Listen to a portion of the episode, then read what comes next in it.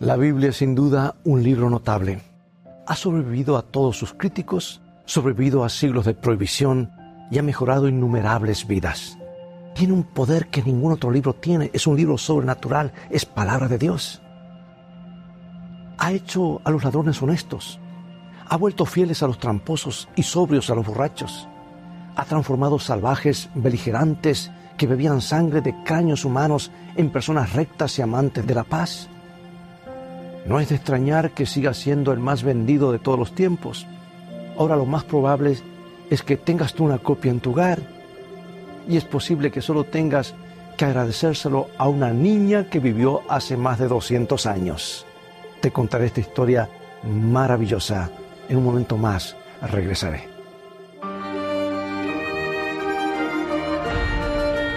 Escrito está declara el mensaje final de Dios para nuestro tiempo, presentando al Cristo viviente como la respuesta a nuestras más profundas necesidades. Escrito está con el pastor Robert Costa. Antes de 1907, nadie había aspirado una alfombra, porque aún no se había inventado la aspiradora.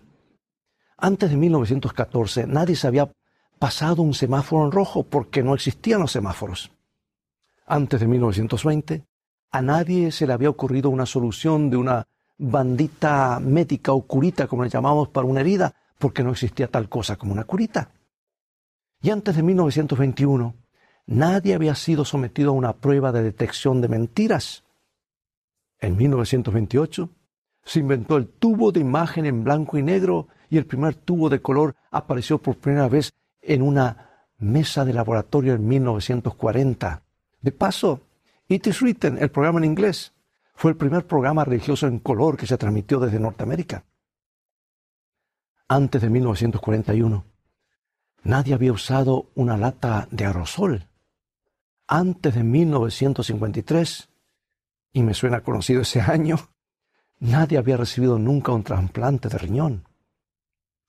La cocción antiadherente apareció por primera vez en las cocinas en 1954 y nadie soñó con la cirugía ocular con láser antes de 1962.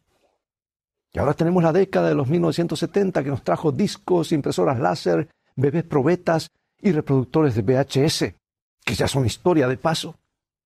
La década de los 1980 nos trajo teléfonos celulares, animación por computadora, transbordadores espaciales, leche de soya y sistemas GPS.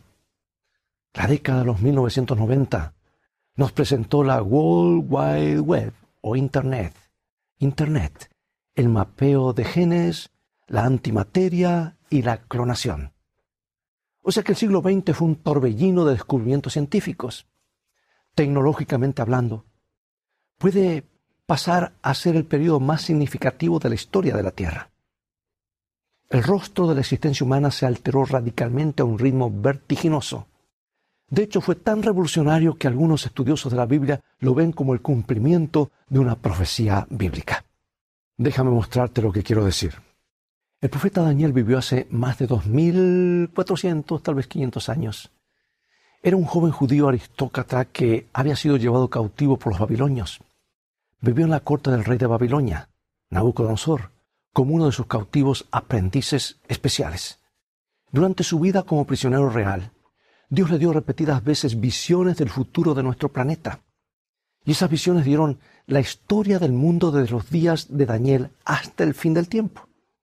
Eran literalmente una línea de tiempo detallada entre el día de Daniel y el día en que Jesús regresa por nosotros. Por eso tenemos que ser historicistas en la interpretación de la Biblia. El tiempo avanzando, y no agarrar pedazos aquí, poner al futuro o al pasado, no preteristas, no futuristas, sino historicistas. Así que Dios reveló de esa manera y ningún detalle en ninguna de las profecías de Daniel ha sido incorrecto, todo se ha cumplido. Y dado que la mayor parte de lo que predijo ya sucedió, millones de personas también han llegado a confiar en lo que dice Daniel sobre nuestro futuro. Pero ¿qué tiene que ver el libro de Daniel con los inventos del siglo XX? Y también los del 21. Algunas personas piensan mucho. Hay un versículo interesante acerca, acerca del final del libro de Daniel que ha captado la atención de muchos estudiosos de la Biblia en los últimos años. Y dice Daniel 12:4, Pero tú, Daniel, cierra las palabras y sella el libro hasta el tiempo del fin, muchos correrán de aquí para allá y la ciencia se aumentará.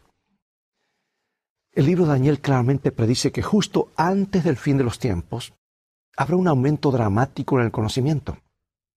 Algunos estudiantes de la Biblia creen que esta es una referencia a la sensacional explosión de la tecnología en los últimos 100 años, más o menos.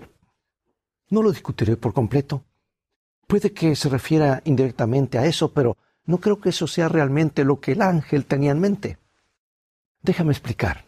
Si lees el libro de Daniel detenidamente, encontrarás que, a lo largo de él, y en el capítulo 9 en particular, hay un intenso deseo por parte de Daniel de entender las cosas que está viendo y escuchando. Y luego al final del libro, el ángel le dice a Daniel que calle o que selle las palabras de este libro. En otras palabras, no era el momento de entender todo todavía. Vendría un tiempo, al final del mundo, cerca del final de la historia, cuando el conocimiento aumentaría. Pero en los días de Daniel, las profecías fueron selladas. ¿Es posible que el ángel se refiriera a la tecnología y a la ciencia? Supongo que lo es, pero creo que el ángel se refería principalmente a un tiempo en el futuro cuando habría un aumento dramático en el conocimiento bíblico. Se estaba refiriendo a un tiempo en el futuro cuando las profecías de Daniel serían entendidas, porque la mayor parte de lo que había visto había sido profetizado ya había, había sucedido. Verás, la profecía bíblica no se trata tanto de comprender cada detalle sobre el futuro, sino de comprender que Dios siempre ha estado obrando en la historia. La profecía bíblica está destinada a edificar nuestra fe mientras miramos hacia atrás y vemos su cumplimiento a través de la historia. Jesús enseñó este principio cuando dijo en San Juan capítulo 14, versículo 29, y ahora os lo he dicho antes que suceda, para que cuando suceda, creáis. En otras palabras, la retrospectiva es 2020, claro, una visión clara. La profecía bíblica nos dice lo que sucederá en el futuro, pero nuestro entendimiento más claro viene después de que se ha cumplido. El ángel le dijo a Daniel que vendría un tiempo al final de la historia cuando el conocimiento de la Biblia aumentaría a un ritmo explosivo. Entonces las profecías serían finalmente comprendidas en toda su plenitud. Y yo creo que la profecía de Daniel 8, 12, 4 se está cumpliendo en nuestros días y en nuestras épocas. El conocimiento bíblico y el estudio de la profecía bíblica literalmente se han disparado. Y aunque pocas personas se dan cuenta, es posible que tengamos que agradecerle a una niña pequeña, al menos en parte. Porque a lo largo del periodo de la historia conocida como la Edad Media, que duró más o menos 1200 años, 12 siglos, pocas personas tenían acceso a la Biblia. Incluso si pudieran tener una en sus manos, les habría servido de poco porque muy pocas personas realmente sabían leer. Es por eso que creo que la Edad Oscura es un buen nombre para este periodo de tiempo. La gente estaba literalmente en la oscuridad cuando se trataba de lo que decía el importante libro, la palabra de Dios. Pero entonces algo sucedió. La edad del oscurantismo no duró para siempre, porque las manecillas del gran reloj profético de Dios marcaban constantemente su camino hacia el tiempo del fin, cuando el conocimiento aumentaría dramáticamente. El próximo período de la historia después de la Edad Media ha llegado a ser conocido por algunos historiadores como el Gran Despertar. Hubo un gran, una gran colección de movimientos independientes en todo el mundo que comenzaron a promover los estudios de la Biblia y la obra misional. El Evangelio fue llevado a todo el mundo de la misma manera que en los días de los primeros discípulos. Era el principio del tiempo del fin. Jesús dijo en San Mateo 24:14, y será predicado este Evangelio del reino en todo el mundo, para testimonio a todas las naciones, y entonces vendrá el fin. Comenzando a principios de 1800, la luz de la palabra de Dios literalmente barrió la faz del mundo como un incendio forestal. Y un tema que fue de particular interés para muchos estudiantes de la Biblia fue la profecía bíblica. había llegado el momento de entender lo que escribió Daniel. Pero para que la gente entendiera a Daniel y el resto de la Biblia, necesitaban tener una Biblia en sus manos. Y muy pocas personas lo hicieron. De hecho, al final de la Edad Media, la Biblia solo estaba disponible en un total de 67 de los 7.000 idiomas del mundo estimados. En otras palabras, solo estaba disponible para menos del 1% de los grupos lingüísticos del mundo. Y para empeorar las cosas, incluso si la Biblia estaba disponible en su idioma, lo más probable es que fuera demasiado caro comprar una. Todo eso estaba a punto de cambiar y Dios, escucha bien, usó una niña fiel nacida en la campiña galesa en 1784 para poner las escrituras a disposición de todo el mundo. Su nombre era Mary.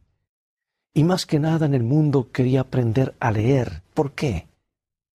Para que pudiera leer la Biblia por sí misma. Como la mayoría de las personas, solo tenía acceso a la Biblia cuando la escuchaba leer en la iglesia o en una reunión de oración. Pero ella quería más. Quería leerla ella misma y, no había ninguna escuela cerca que le enseñara a leer. Finalmente, cuando Mary tenía diez años, su padre llegó una noche a casa con una gran sonrisa en el rostro. Dijo, Mary, dijo, ha abierto una escuela a una hora de aquí y puedes empezar a asistir la semana que viene. Fue una respuesta a la oración. Y Mary tenía tantas ganas de leer que no le importaba caminar una hora hasta la escuela y rápidamente se convirtió en la primera en su clase. Para aprender a leer. Pero aprender a leer era solo la mitad del sueño de Mary. Todavía no tenía una Biblia propia. Y un amable vecino con una Biblia en galés le permitió venir todos los fines de semana a pasar tiempo leyendo su copia. Vivía a dos millas de la casa de Mary, y Mary iba todos los fines de semana y se asombraba con las historias de Jesús que leía. Había escuchado algunos de ellos en, en la iglesia, algunas historias o en las reuniones de oración, pero cuánto mejor podía leerla por uno mismo. La Biblia literalmente cobró vida para ella, y sus visitas de fin de semana pronto no fueron suficientes. De hecho, cada hora que pasó en, en la Biblia de su vecino solo avivó el fuego en el corazón de la pequeña Mary para tener una Biblia propia, una Biblia en galés. Entonces, a pesar de que eran prohibitivamente caros, comenzó a ahorrar sus centavos. Era imposible, aparentemente, comprar una, un ejemplar. Hizo trabajos ocasionales en el pueblo por cantidades exiguas de dinero, un centavito aquí, otro allá. Se dedicaba a la costura, criaba gallinas, vendía huevos, recogía leña, ayudaba a las madres locales en sus quehaceres y cuidaba de, los, de sus hijos. Casi no había trabajo tan pequeño que Mary no lo hiciera para ahorrar un poco de dinero para su Biblia. Y durante seis largos años, Mary ahorró sus centavos y no fue fácil. En un momento su padre se enfermó tanto que ya no podía trabajar. Y parte del dinero de la Biblia de Mary tuvo que ser destinada a la alimentación de la familia. Poseer una Biblia pareció un sueño imposible. Pero después de seis años, finalmente tuvo suficiente dinero para comprar su Biblia. Pero eso solo introdujo un nuevo problema. ¿Dónde conseguiría una Biblia en galés? Nadie en su pueblo tenía una a la venta. De hecho, casi nadie tenía una de ellas. Las Biblias galesas eran excepcionalmente escasas. Entonces Mary notó que su nuevo maestro de escuela tenía una ella le preguntó dónde la había conseguido y le dijo que había un ministro llamado Thomas Charles en un pueblo, el pueblo de Bala, a 25 millas de distancia, que tenía Biblias en galés a la venta. Solo puedes imaginar, comenzar a imaginar la emoción de Mary.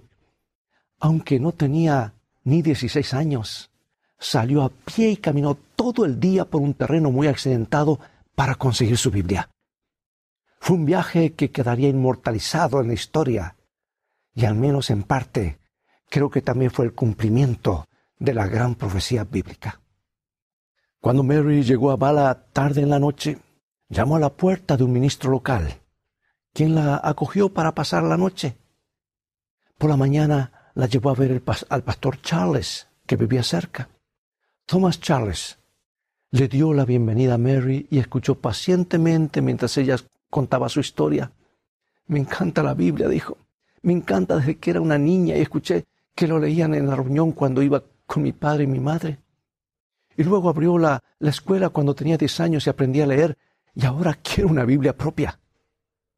El pastor Charles apenas podía creer lo que escuchaba. ¿Y has recorrido 25 millas a pie para comprar una? preguntó. Sí, sí, dijo. ¿Y tengo el dinero para pagarlo? ¿Cómo conseguiste el dinero para una Biblia?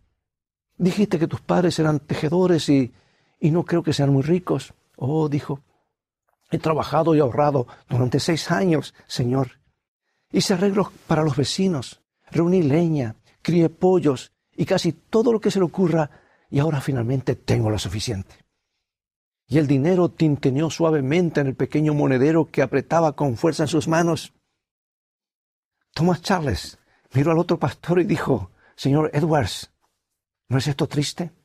Ver a una jovencita tan valiente, tan inteligente y tan consecuente como cristiana recorrer 25 millas por una Biblia y no tengo ninguna de sobra, ni siquiera una.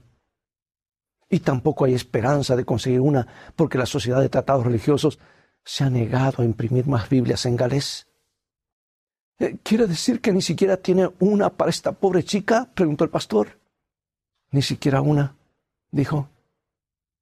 Aquí hay dos o tres Biblias que ya han sido prometidas a otras personas y no me queda nada. Esas palabras cayeron como martillazos en los oídos de Mary. Estaba devastada y literalmente comenzó a llorar desconsoladamente, porque se iría a casa sin una Biblia después de tantos años de espera. La silla tembló bajo sus sollozos, y Thomas Charles se sintió repentinamente movido a compasión. Se levantó de su silla y puso su mano sobre la cabeza de María. Dijo, Mary, dijo, tendrás una Biblia pase lo que pase. Una de estas Biblias va para un hombre que también puede leer inglés, así que le daré la suya. Fue a una librería y consiguió una Biblia en galés para Mary. Y la adolescente emocionada caminó de regreso 25 millas hasta su casa ese día para comenzar a leer su propia Biblia. Y después de que ella se fue, el pastor Charles comenzó a soñar es que la historia de Mary lo conmovió tan profundamente que fue una reunión de la Religious eh, Tract Society en 1802 y les contó lo que había sucedido. Y cuando terminó, pidió a los miembros que consideraran formar una nueva sociedad dedicada a imprimir y distribuir Biblias en Gales. ¿Les gustó la idea? Un ministro bautista de nombre Joseph Hughes quedó tan conmovido por la historia de Mary que se puso de pie y dijo, Señor Charles, tu llamamiento, tu llamado fue muy conmovedor. La historia de esa joven es desgarradora y su historia es la historia del mundo entero. Seguramente se podría formar una sociedad para este propósito. Pero si empezamos una para Gales, ¿por qué no para Gran Bretaña? ¿Y por qué no para el mundo? Ese día de diciembre nació la Sociedad Bíblica Británica y Extranjera y tuvo su primera reunión el 7 de marzo de 1804 y se recaudaron 700 libras esterlinas para comenzar la impresión y distribución de Biblias en todo el mundo. La hora en el reloj de Dios había llegado. El gran despertar tuvo su catalizador y se abrió el camino para que millones de cristianos comprendieran las maravillosas profecías de la Biblia. Había llegado el momento de aumentar el conocimiento.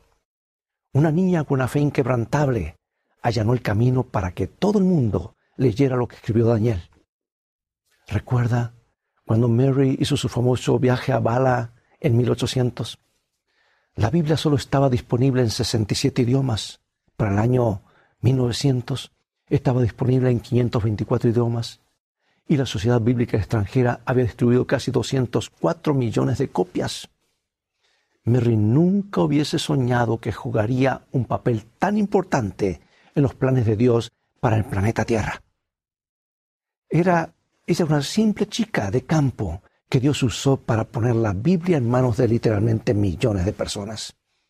Gracias a ella, innumerables miles de personas estarán en el cielo. Tal vez incluso incluyéndote a ti. La primera Biblia en idioma extranjero que imprimió la sociedad fue para Canadá. Estaba en idioma Mohawk, traducido por eruditos Mohawk en la Reserva de las Seis Naciones en el sur de Ontario. Durante la Guerra Revolucionaria estadounidense, el jefe Joseph Brandt, como se le conocía en el Imperio Británico, se puso del lado de los leales que terminaron en Canadá. Y cuando terminó la guerra, los Mohawk lo habían perdido todo, incluso sus hogares. Y el gobernador general Frederick Haldimand otorgó a Joseph Brandt y los Mohawk un terreno de 675 mil acres cerca del estado actual de Bradford, Ontario. Joseph Brandt, a pedido del rey Jorge III, construyó una iglesia en 1875, mejor dicho, 1785. Hasta el día de hoy sigue siendo la iglesia protestante más antigua de Canadá y la única capilla real fuera de Gran Bretaña. Y cuando se construyó, el jefe Brandt decidió que lo más importante que podía hacer por su gente era proporcionar la Biblia en su propio idioma. Tradujo el Evangelio de Marcos al Mohawk. En años posteriores, la Sociedad Bíblica de Gran Bretaña reconoció la necesidad de distribuir más Biblias entre los Mohawks, por lo que se le pidió al jefe John Norton, su nombre en inglés, que tradujera el Evangelio de Juan. Y esa traducción, completada en 1804, se convirtió en la primera Biblia en idioma extranjero que la sociedad jamás publicó. Y el entusiasmo por distribuir Biblias se extendió rápidamente desde la reserva de los seis, seis naciones por todo Canadá. Y en 1807 comenzaron a aparecer sociedades bíblicas locales y otras en Estados Unidos y en otros países. Y muchos años después, en 1904, esta colección suelta de sociedades bíblicas se unió para formar la Sociedad Bíblica Canadiense, por lo menos en el país del norte, que está con nosotros hasta el día de hoy. Y se formaron otras sociedades bíblicas en América y alrededor del mundo. Lo más probable es que tengas una Biblia en tu hogar que fue impresa por la sociedad bíblica. Tengo varias y tengo que agradecer a una niña en Gales. Tenía tanto amor por la palabra de Dios que dedicó cada momento de su vida a asegurarse una para ella. Si Dios pudiera usar a una humilde campesina para iniciar el cumplimiento de una profecía de 2500 años, me pregunto, ¿qué estará esperando hacer contigo? El trabajo de difundir el mensaje de este libro aún no ha terminado, amigo y amiga. Ya casi llegamos, pero no del todo. Dios está esperando que más y más personas como Mary den un paso de fe sencilla y se dediquen a Él. Él te está esperando. Imagínate lo que podría pasar. Tal vez hoy nunca hayas leído o estudiado la Biblia. Tal vez no la has estado estudiando como deberías. Tal vez nunca hayas tenido la oportunidad de ver lo que una niña galesa encontró en ese libro hace más de 200 años. ¿No crees que es hora de descubrir lo que Dios tiene planeado para ti? Mary descubrió que simplemente no podía decir no a alguien como Jesús. Me pregunto, ¿Qué pasaría si abrieras este libro y abrieras tu corazón hoy al Dios de este libro? Acompáñame en oración. Padre Celestial, hoy nos ha conmovido la historia de una niña que solía traer buenas noticias a un mundo moribundo. Hoy queremos conocer al mismo Jesús que ella conoció en la Biblia y queremos que trabajes en nuestras vidas como lo hiciste en ella. Sentimos que Jesús viene pronto y queremos ser parte de tus planes. Toma nuestras vidas tal como son. Perdona nuestros pecados y úsanos. Oramos para alcanzar un mundo perdido para Jesús. Oramos todas estas cosas en el nombre de Jesús. Amén.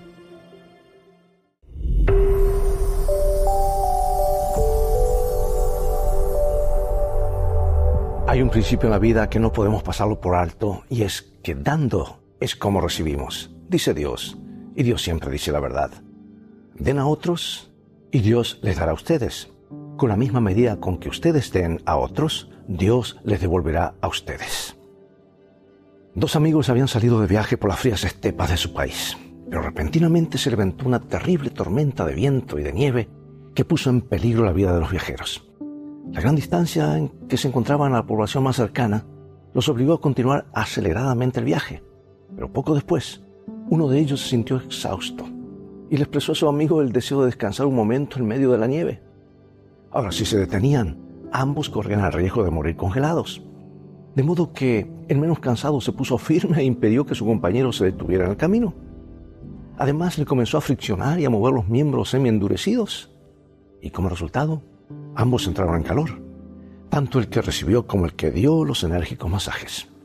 Y enseguida continuaron el viaje, y así se salvaron de una muerte segura. Amigo y amiga, en el viaje de la vida, a cada paso nos encontramos con espíritus congelados por la apatía, la indiferencia, la maldad o el dolor. Parecería tratarse de personas abatidas por las tormentas del mal y la desorientación. Y si nuestra actitud frente a estos desdichados compañeros de viaje fuera solo de contemplación, ¿podríamos soportar verlos sucumbir en medio del camino? En todo lugar, ya sea en el hogar, en el taller, en la oficina, en el aula, quizá en la calle, la necesidad del hermano nos puede dar ocasión de brindar calor humano y ayuda fraterna. Con esta ventaja de que el que da también recibe, porque eso no falla, como ocurrió con el viajero del relato, ¿verdad? Quien por haber evitado el congelamiento de su compañero, lo evitó en sí mismo también.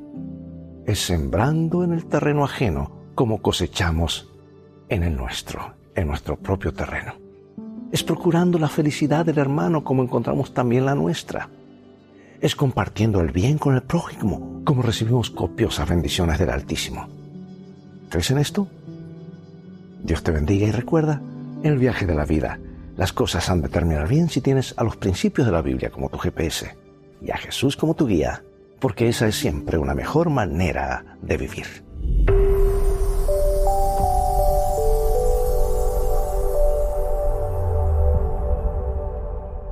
Es todo el tiempo que tenemos por hoy. Ha llegado el momento de despedirnos y espero que el tema de hoy haya sido una inspiración para ti. Esta historia de Mary Jones es realmente conmovedora. Lo dio todo por un ejemplar de la palabra y de allí fue una chispa para que tú y yo hoy tengamos la palabra de Dios en tantos idiomas. Había llegado el momento profético de Dios y Dios permitió que su palabra fuese a todo el mundo en prácticamente cada idioma. Te animo a estudiar este libro. Visítanos en nuestro sitio de internet escritoestá.org y allí podrás obtener muchos estudios bíblicos para profundizar más en este bendito libro y tú compartirlo con otros y ser un canal de bendición. Dios te bendiga y te guarde y recuerda, escrito está, no solo de pan vivir al hombre, sino de toda palabra que sale de la boca de Dios.